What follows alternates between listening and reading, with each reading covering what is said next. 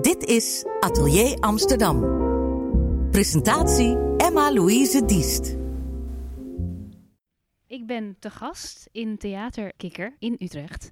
En uh, we zijn hier in achter de schermen van Atelier Amsterdam. Vandaag zit ik naast acteur Roland Vernout. Uh, hij speelt Catharina in het stuk Temmen van de Fakes. Een stuk wat we eigenlijk kennen, juist heel erg traditioneel. Waarin de rollen van de man en de vrouw echt heel traditioneel worden, worden neergezet. Maar dat gaat hier anders, hè? Ja, het staat vooral bekend als een, als een vrij seksistisch uh, stuk omdat uh, met name een hele beroemde slotmonoloog waarin de vrouw zich onderwerpt aan de man. Um, en heel veel uh, actrices met name, die uh, vinden dat niet te doen. En, want het is niet meer van deze tijd, zeggen zij. En wij hebben getracht, ook omdat het in die hashtag MeToo-periode is, om, om dat hele ding over is het seksistisch en hoe doorbreek je dat dan... Uh, om dat eens onder de loep te nemen. En dat hebben we gedaan door de geslachten te veranderen. Dus Xander van Vledder, die we daar zien in het gele gedeelte van het decor. Het meisje. Het meisje ja, we zitten ook echt in het decor. Hè? In een, je hebt twee gedeeltes. We zitten uh, tegenover een gele kamer en een blauwe kamer. En als ik het goed zie, dan is dat de mannelijke deel en dat is de vrouwelijke deel. Dus, dus geel is vrouw, vrouwelijk en uh, blauw is mannelijk. Ja, dus de gele kamer. Uh, uh, maar die wordt gek genoeg vooral dus bevolkt door twee meneren die twee dames spelen. Want Xander die speelt mijn zusje, Bianca. En al de rest, er zijn dus twee heren die de twee dames doen van het stuk. En alles, al de rest, die, dat zijn dames en die spelen heren het is heel expliciet, er is heel veel te zien. Is dat echt heel erg nodig dat we, dat we een heel duidelijk decor hebben en duidelijke um, kledingstukken? Ja, een duidelijk decor. Ik denk dat de meningen daar nog wel over verdeeld uh, uh, zullen zijn. er is een decor aanwezig. Er is, het is een heel aanwezig decor. Uh, gemaakt door Catharina Bombe, geweldige Duitse ontwerpster. die heel erg goed stel hersens heeft. En altijd met iets heel interessants komt, waardoor je net op een andere manier naar het stuk kan kijken. Dus we zijn er zelf erg mee in onze sas. En het is ook heel, heel speelbaar. Eigenlijk zijn het twee kinderkamers bijna. Waarin kinderen, uh, hè, als kind leer je al vroeg wat je seks hoort te zijn en hoe je dan ook hoort te gedragen. Dus meisjes spelen met poppen en jongens spelen met tractoren. Dus als je ook kijkt bij ons in het blauwe gedeelte, daar hebben we een, een zandheuvel met een, een, een truck. Daar hangt een machinegeweer. Er hangen zagen, een koevoet.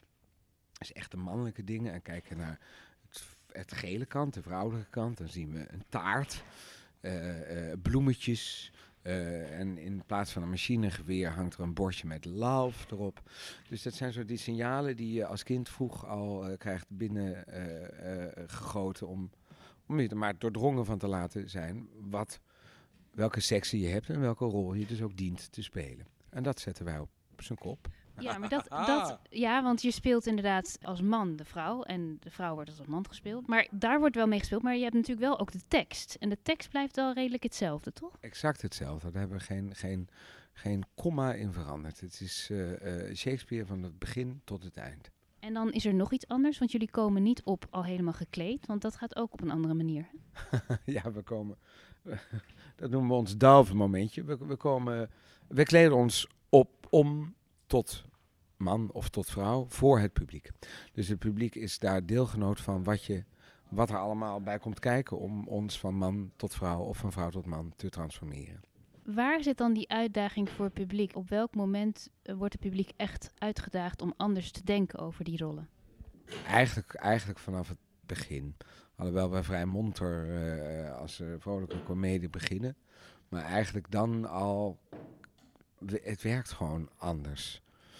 Um, aan de andere kant de uitgedaagde uitgedaagd. Uh, het is ook gewoon een hele fijne en spannende en mooie voorstelling. Um, dus het is, het is nou niet een, een, bloedmoeilijke puzzel om, om op te lossen. Maar uh, het, het levert wel stof tot nadenken op over um, wat seksen of wat gender uh, eigenlijk is en doet. En wat wij en of we daar iets anders mee willen in onze maatschappij. Want dat is dus iets wat je kan kiezen. Wordt er ook kritisch gekeken naar hoe dat in het theater zelf gebeurt vaak? hoe de rollen er normaal gesproken van de vrouw en de man worden neergezet op het toneel. Want je kunt ook natuurlijk naar genderpolitiek in het theater kijken. Nou ja, nee, dat, ik bedoel, kijk, uiteindelijk speel je maar een toneelstukje. Eh, eh, dat is al heel wat. Maar meer is het ook niet. Maar wat we wel merkten bijvoorbeeld, ik heb nog nooit zo'n kleine hoofdrol gehad. Ik heb vier, vijf opkomsten en eh, prachtige scènes. Want als ik op ben, eh, heeft Shakespeare echt zijn best gedaan. Dus dat is echt heel fijn. Maar het is, het is, ik hoefde nou niet eh, wekenlang te blokken, zeg maar. En eh Astrid van Eck, die had het andersom. Die heeft nog nooit zo'n grote rol gehad. Die heeft nog nooit zoveel tekst moeten Die leren. Petruchio speelt. Die Petruccio speelt, ja, dat is mijn, mijn grootste tegenstrever in het stuk. Eigenlijk zijn al mijn scènes eh, met haar, met hem, met haar, met hem, met, met hem, haar. Ehm, ehm, en die heeft nog nooit zoveel tekst gehad. Dus dat, dat zegt wel iets over in hoeverre ook het publiek eigenlijk al gewoon is aan hoe je letterlijk eh, de verhouding hoeveel mannenstem je hoort en, en hoe, hoe weinig vrouwenstem je hoort. Het is een komedie, dus er worden grappen gemaakt. En soms is dat ten koste van de vrouw en soms ten koste van de man. Ligt daar ook nog verschil tussen? Of eerder lachen om wat de vrouw hier doet in het stuk? Of eerder gaan lachen om wat de man doet? Ja, eh, eh, dat is een hele interessante vraag, maar daar, staat iedereen eigenlijk anders in. Kijk, mijn, mijn idee van het stuk, eh, overigens is, eh, deelt de regisseuse Nina Spijkers dat absoluut niet, maar is dat eh, Shakespeare eh, niet alleen eh, eh, de vrouw eh, seksistisch benadert, maar de man evenzeer seksistisch benadert. Dus de mannenwereld is in het oorspronkelijke tekst van Shakespeare al ook enorm op testosteron, op, op overdreven opschepperij, op, op vliegen afvangen. En als je dat vergelijkt met de mannenklimaten van andere Shakespeare-stukken, dan merk je al dat daar ook een, een enorme hoge eh, karikatuur van, van wat de man eigenlijk is. Dus mijn idee is dat Shakespeare sowieso eh, eh, heeft willen spelen met de karikaturen van mannen en de karikaturen van vrouwen. Dus in die zin heb ik er alle vertrouwen in dat wij zijn spel alleen maar verder eh, ontwikkelen. Dat hij er misschien wel heel erg blij mee geweest zou zijn. Dan ga ik nu te ver. We mogen het hopen, ja. Eigenlijk moet ineens denken, ik speelde ooit Romeo en Julia bij het Zuidelijk Toneel. En het was heel even stil. En ik hoor op de eerste rij in Eindhoven... Shakespeare zou zich omdraaien in zijn graf. En niet alleen ik hoorde het, de hele zaal hoorde het. Ehm, ja, we weten het niet. We kunnen het hem niet meer vragen. Maar ik, ik, ik heb er zelf vertrouwen in dat we eh, eh, eh, het- het klimaat wat, wat Shakespeare ons aanbiedt, dat we dat doorontwikkelen. We, doen er niet, we drukken er niet iets op waar het, waar het niet thuis hoort. Het voelt niet als forceren. Nee, absoluut niet. Nee, absoluut niet. Nee, het voelt als doordenken daarover.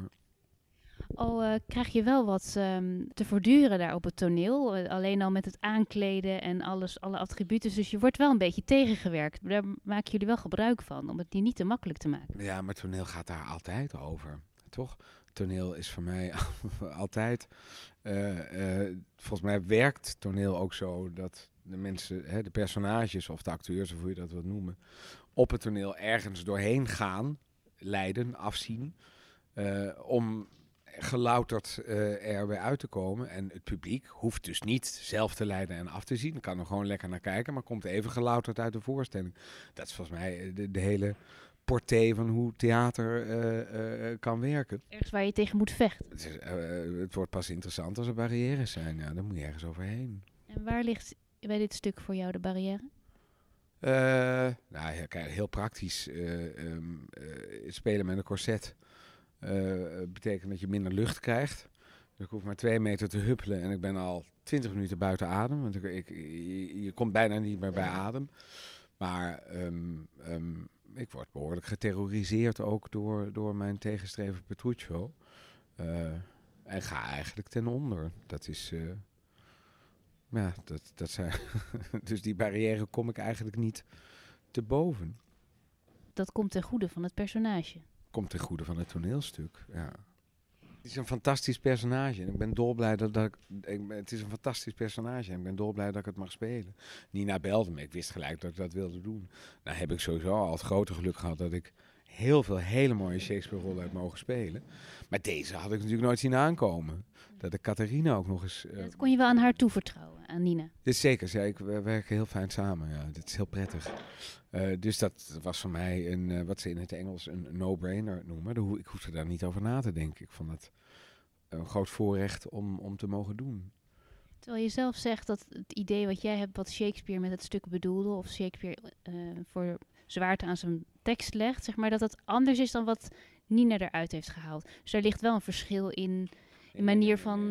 Het gaat meer over wat Nina dacht, hoe het stuk vroeger bedoeld is. En dat is altijd een heel ingewikkeld uh, uh, gesprek, want ja, dat, je, niemand was erbij, snap je? En we kunnen het hem niet meer vragen. Maar over de voorstelling kan ik je zeggen dat we daar heel eensluidend uh, blij zijn met wat we hebben gemaakt. En nu speel je het al, heeft het al een tijdje gespeeld. Um, als je de fakes van nu die je speelt, of nou de fakes mag ik natuurlijk eigenlijk niet zeggen, maar uh, als je de Catharina van nu en de Catharina van het begin, als je die met elkaar vergelijkt, is er een uh, ontwikkeling gaande? Is, is, is, is, is zij veranderd? Nee. Nee, ja, daar ben ik, daar speel ik al te lang toneel voor. Ik weet wel wat ik doe. ja, het klinkt heel stom. Maar ik, ik, ik, er zijn wel dingen veranderd. Het stuk wordt compacter en beter. Er zitten betere rustpunten in. maar ik, nee, ik, ik ben ook geen intuïtieve speler. Ik, ik denk na over wat ik wil dat het betekent. Naar aanleiding daarvan kies ik mijn, mijn, mijn theatrale aanval, om het zo maar te zeggen. Uh, maar omdat hij gebaseerd is op een gedachteproces, dat verandert niet. Het is, dat is ook hoe ik vind hoe je moet spelen.